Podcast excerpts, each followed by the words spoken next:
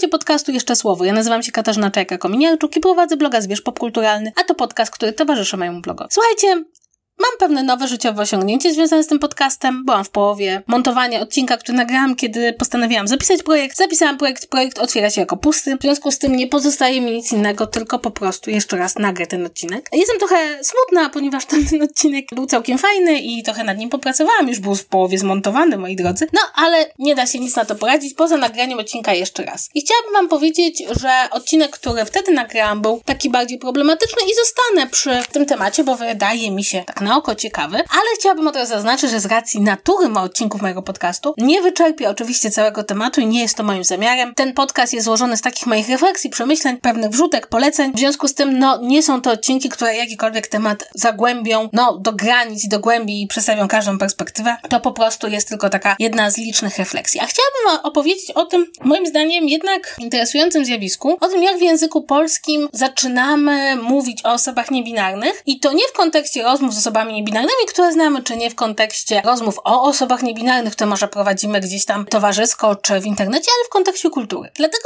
że jeśli zwrócicie uwagę, to w ostatnich latach postaci niebinarnych jest coraz więcej. Jest ich coraz więcej w filmach, jest ich coraz więcej w książkach, jest ich coraz więcej w serialach. No, trochę to nie dziwi, bo świat otwiera się po prostu na coraz bardziej na ludzi, coraz bardziej odchodzimy od tego, że główny bohater to cis hetero mężczyzna e, i coraz bardziej widzimy po prostu, że świat jest bardziej różnorodny i złożony, a do tego wszystkiego jednak wprowadza prowadzenie reprezentacji różnych mniejszości sprawia, że po prostu te narracje są ciekawsze, dostajemy nowe perspektywy, nowe historie, nowe opowieści, nowych bohaterów. Kwestia polega na tym, że o ile w języku angielskim przyjęło się to they, czyli taka liczba mnoga, e, jeśli mówimy o osobach niebinarnych, nawet jeśli są pojedyncze, no to w Polsce rzeczywiście nie ma jeszcze takiego jednego przyjętego schematu mówienia o osobach niebinarnych. Zresztą one same tego nie wybierają, każdy e, podejmuje tą decyzję e, samodzielnie. I tutaj tych decyzji, jak właściwie to they przetłumaczyć, jak właściwie przetłumaczyć to, jak osoba, e, postać niebinarna mówi o sobie, wcale nie jest łatwo. I te refleksje przyszły do mnie, kiedy czytałam Wszystkiego co najlepsze. Wszystkiego co najlepsze to książka też napisana przez osobę niebinarną. Mason, Mason Daver jest osobą, która napisała tą książkę. No i słuchajcie, to wyszło w takim imprincie wydawnictwa poznańskiego We Need YA i przełożył to Artur Łukasz. I Artur Łukasz tutaj rzeczywiście daje wstęp od tłumacza, gdzie tłumaczy, że wybrał zaimki ono, jeno, że takie, takie zaimki wybrał. Zresztą e, bardzo mi się podoba jedna rzecz w przypadku tej książki, czyli współpraca z zaimki.pl. To jest taka strona, która tworzy z polski słownik neutratywów, kto się nazywa neutratywy, czyli właśnie tych określeń na osoby i postaci niebinarne, wyszukując je e, w różnych tekstach, książkach, podając przykłady. E, świetne, świetna inicjatywa, znam trochę osób, które są w nią zaangażowane. Wydaje mi się, że bardzo tego potrzebujemy, zarówno my jako osoby, które nie są niebinarne i chcą mówić o, czy pisać o osobach niebinarnych, jak i właśnie chociażby tłumaczy. I dlaczego moim zdaniem to jest ciekawe? Po pierwsze, bardzo mi się podoba w ogóle to, że robi się coraz lepszą, dobrą praktyką dawanie wstępów od tłumaczy, którzy tłumaczą, mówią właśnie, dlaczego zdecydowali się na takie, a nie inne tłumaczenia. No rzeczywiście wydaje mi się w tym kontekście jest to ważne. A jednocześnie no tłumacze stali się w pewien sposób takimi pierwszymi osobami, które w jakiś sposób normują nam rzeczy w języku. No bo chcąc, nie chcąc, muszą podjąć te decyzje, jak je przełożą. I to wcale nie jest takie proste. Mieliśmy w, Polsce, zwłaszcza w przypadku filmów i seriali, e, sporo problemów, wpadek, e, pominięć. Tutaj była bardzo głośna sprawa postaci Double Trouble z serialu Shira. Serial Shira jest po prostu cudowny, to jest nowy serial Shira, jest piękny, tęczowy, tolerancyjny, bardzo taki nastawiony na reprezentację. Właśnie tam była postać Double Trouble. No i to była postać, która korzystała z tego rodzaju, była niebinarna. W Polsce, z tego co pamiętam, została przetłumaczona z zaimkami e, męskimi. Z kolei jest e, taka osoba aktorska Asia K. Dillon, która gra w serialu Billions i w filmie John Wick 3. I tam, z tego co do mnie dochodziło, to sprawdzałam. Pamiętam, że to widziałam w John Wick 3. Natomiast to, że w Billions tak jest, to e, przeczytałam na takim blogu Przemyślenia Maniaka. Tam z kolei wybrano zaimki żeńskie. E, sama postanowiłam też trochę sprawdzić, e, jak to wyglądało chociażby w serialu One Day at a Time. To jest sitcom Netflixa, gdzie Elena, córka głównej bohaterki, ma osobę partnerską, syn, facet, która nie identyfikuje się jako dziewczyna, identyfikuje się jako osoba niebinarna właśnie. No i przyznam szczerze, że byłam troszeczkę zaskoczona,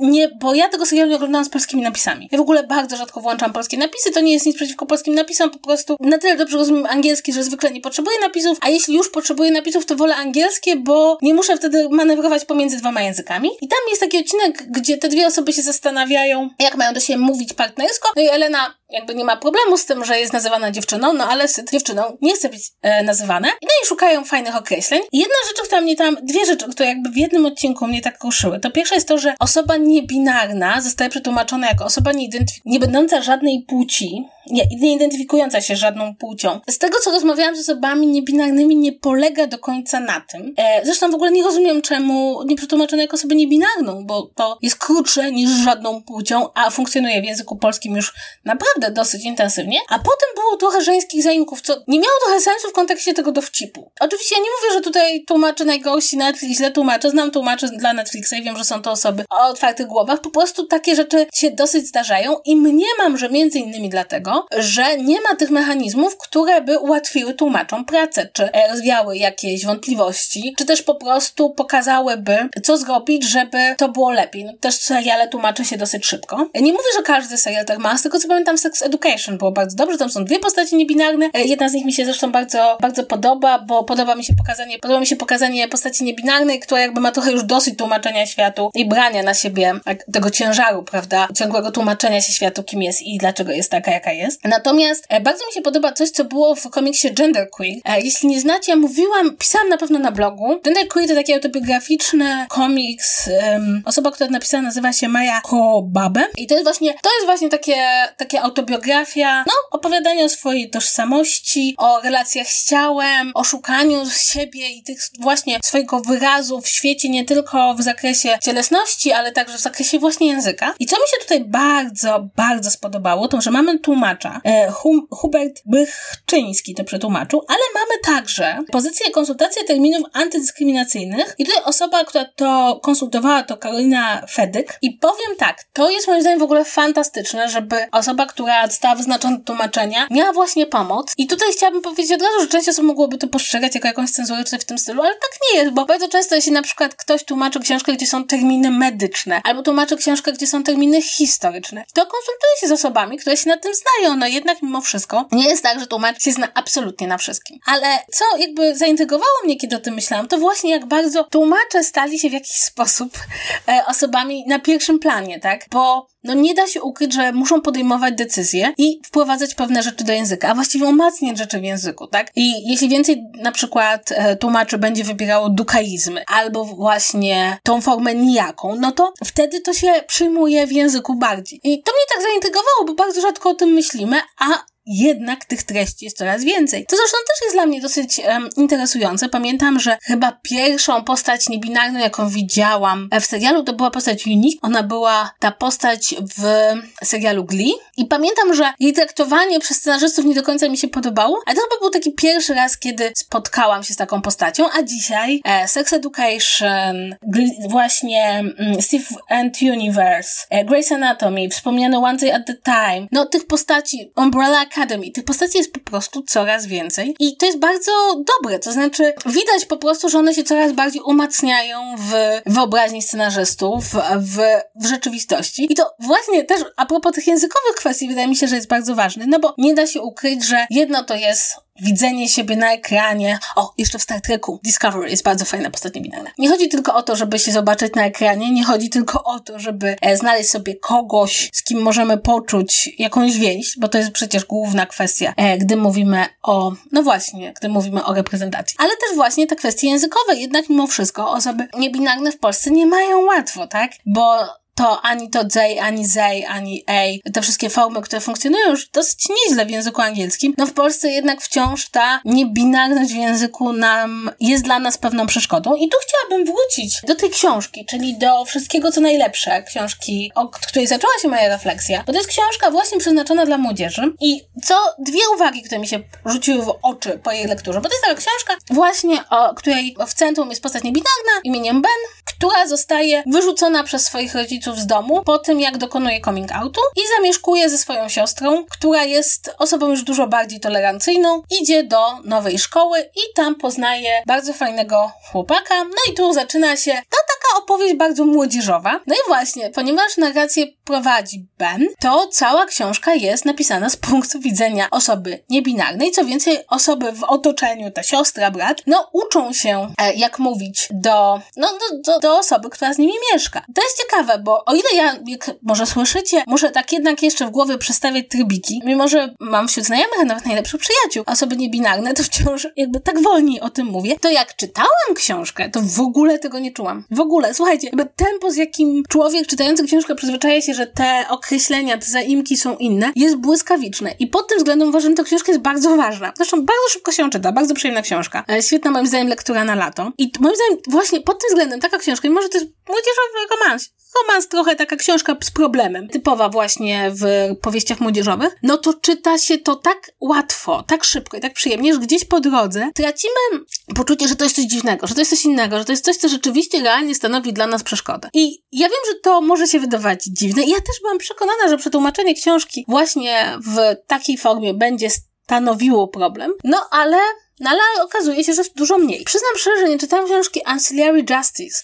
Nie pamiętam, jak ona została przetłumaczona na polski, ale to jest taka książka, która też e, korzysta z tych form właśnie niepłciowych. I tam też miałam takie, się zastanawiam, jak to w ogóle da się przetłumaczyć na polski. Ale teraz, jak przeczytałam to wszystko co najlepsze, to myślę sobie, a może, może te przeszkody, które stawiamy sobie w głowie, no to one są trochę w naszej głowie, tak? Na wszystko znajdzie się jakieś słowo. Zresztą tutaj też bardzo mi się spodobało, jak ta siostra pyta Bena, czy może do niego mówić bracie. No i tu Ben e, odpowiada, no, że nie, bo bracie nie pasuje. I słowem, na które się oboje godzą jest ro rodzeńcze. I rodzeńcze mi się tak spodobało. Ja w ogóle, nie wiem, chyba będę namawiać moich braci, żebyśmy mówili do siebie rodzeńcze. Jest to słowo, którego oczywiście trzeba było skonstruować, ale jest tak urocze. I takie, wiecie, takie poważne, ale jednocześnie takie trochę familiarne. Więc to też jest coś, co ta książka mi tak rozświetliła, że bardzo fajne są te nowe formy, te słowa, których szukamy. Zresztą ostatnio też byłam na, na ślubie moich koleżanek i zastanawialiśmy się właśnie nad tym, kim jest żona mojej koleżanki dla jej ojca, czy zięciową, zięcią.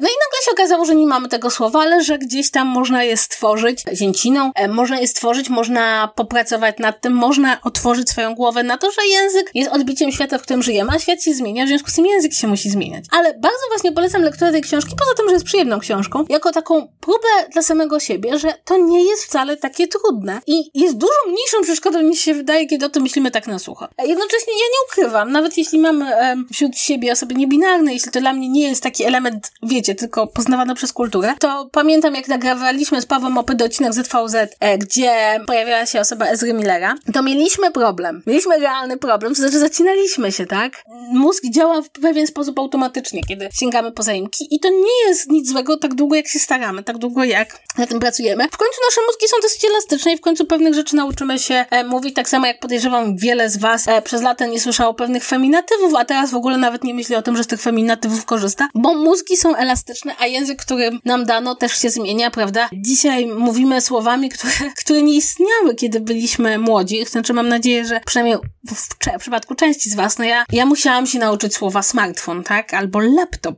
E, kiedy w ogóle mówiło się notebook, a teraz się mówi laptop, ale to chyba jest jakaś różnica techniczna. Mówimy o takich rzeczach, wiecie, router. Jak byłam dzieckiem, nie było słowa router. Router nie jest, jest słowem po polsku, ale jednak z niego korzystam dosyć, e, dosyć często. Więc wiecie, jak sobie pomyślimy, że jesteśmy w stanie bardzo dużo nowych rzeczy przyjmować e, w kontekście technologii, w kontekście kultury, słowo spoiler, tak, które, które też jakby jest dla nas kompletnie oczywiste, normalne, cliffhanger, prequel, sequel, by korzystamy z tych słów non-stop, a potem dochodzimy do naszego własnego języka e, i nagle mówimy, nie, to jest za trudno. No nie jest za trudno, wszystkiego się sposób nauczyć, ale właśnie na sam koniec mam tą refleksję, że tłumacze tutaj mają niesłychanie ważną rolę i funkcję i też nam przypominają bardzo mocno, że, że tłumacze to są ludzie, którzy nas otwierają w dużym stopniu. Na troszkę inny świat, jakby sprawiają, że wychodzimy e, z pewnego schematu, który znamy, e, dają nam te opowieści z innych części świata, z innych kultur. I też dlatego jestem zdania, że właśnie te dobre współprace wydawnictw, tłumaczy, ekspertów, e, to są w ogóle najlepsza przyszłość dla, dla literatury. I też dlatego uważam, że ta, ten nowy trend wstawiania nazwisk tłumaczy na okładkę też jest bardzo, bardzo ważny, bo, bo jednak od tłumacza bardzo wiele zależy, tak? I, I na przykład zmiany w tłumaczeniu, wydawanie nowych tłumaczeń też potrafi nam jakieś dzieło literackie pokazać zupełnie zupełnie na nowo. To są takie moje refleksje na dzisiaj, e, nagrane po raz drugi. Zapewniam Was, że tym razem mówię dużo składniej.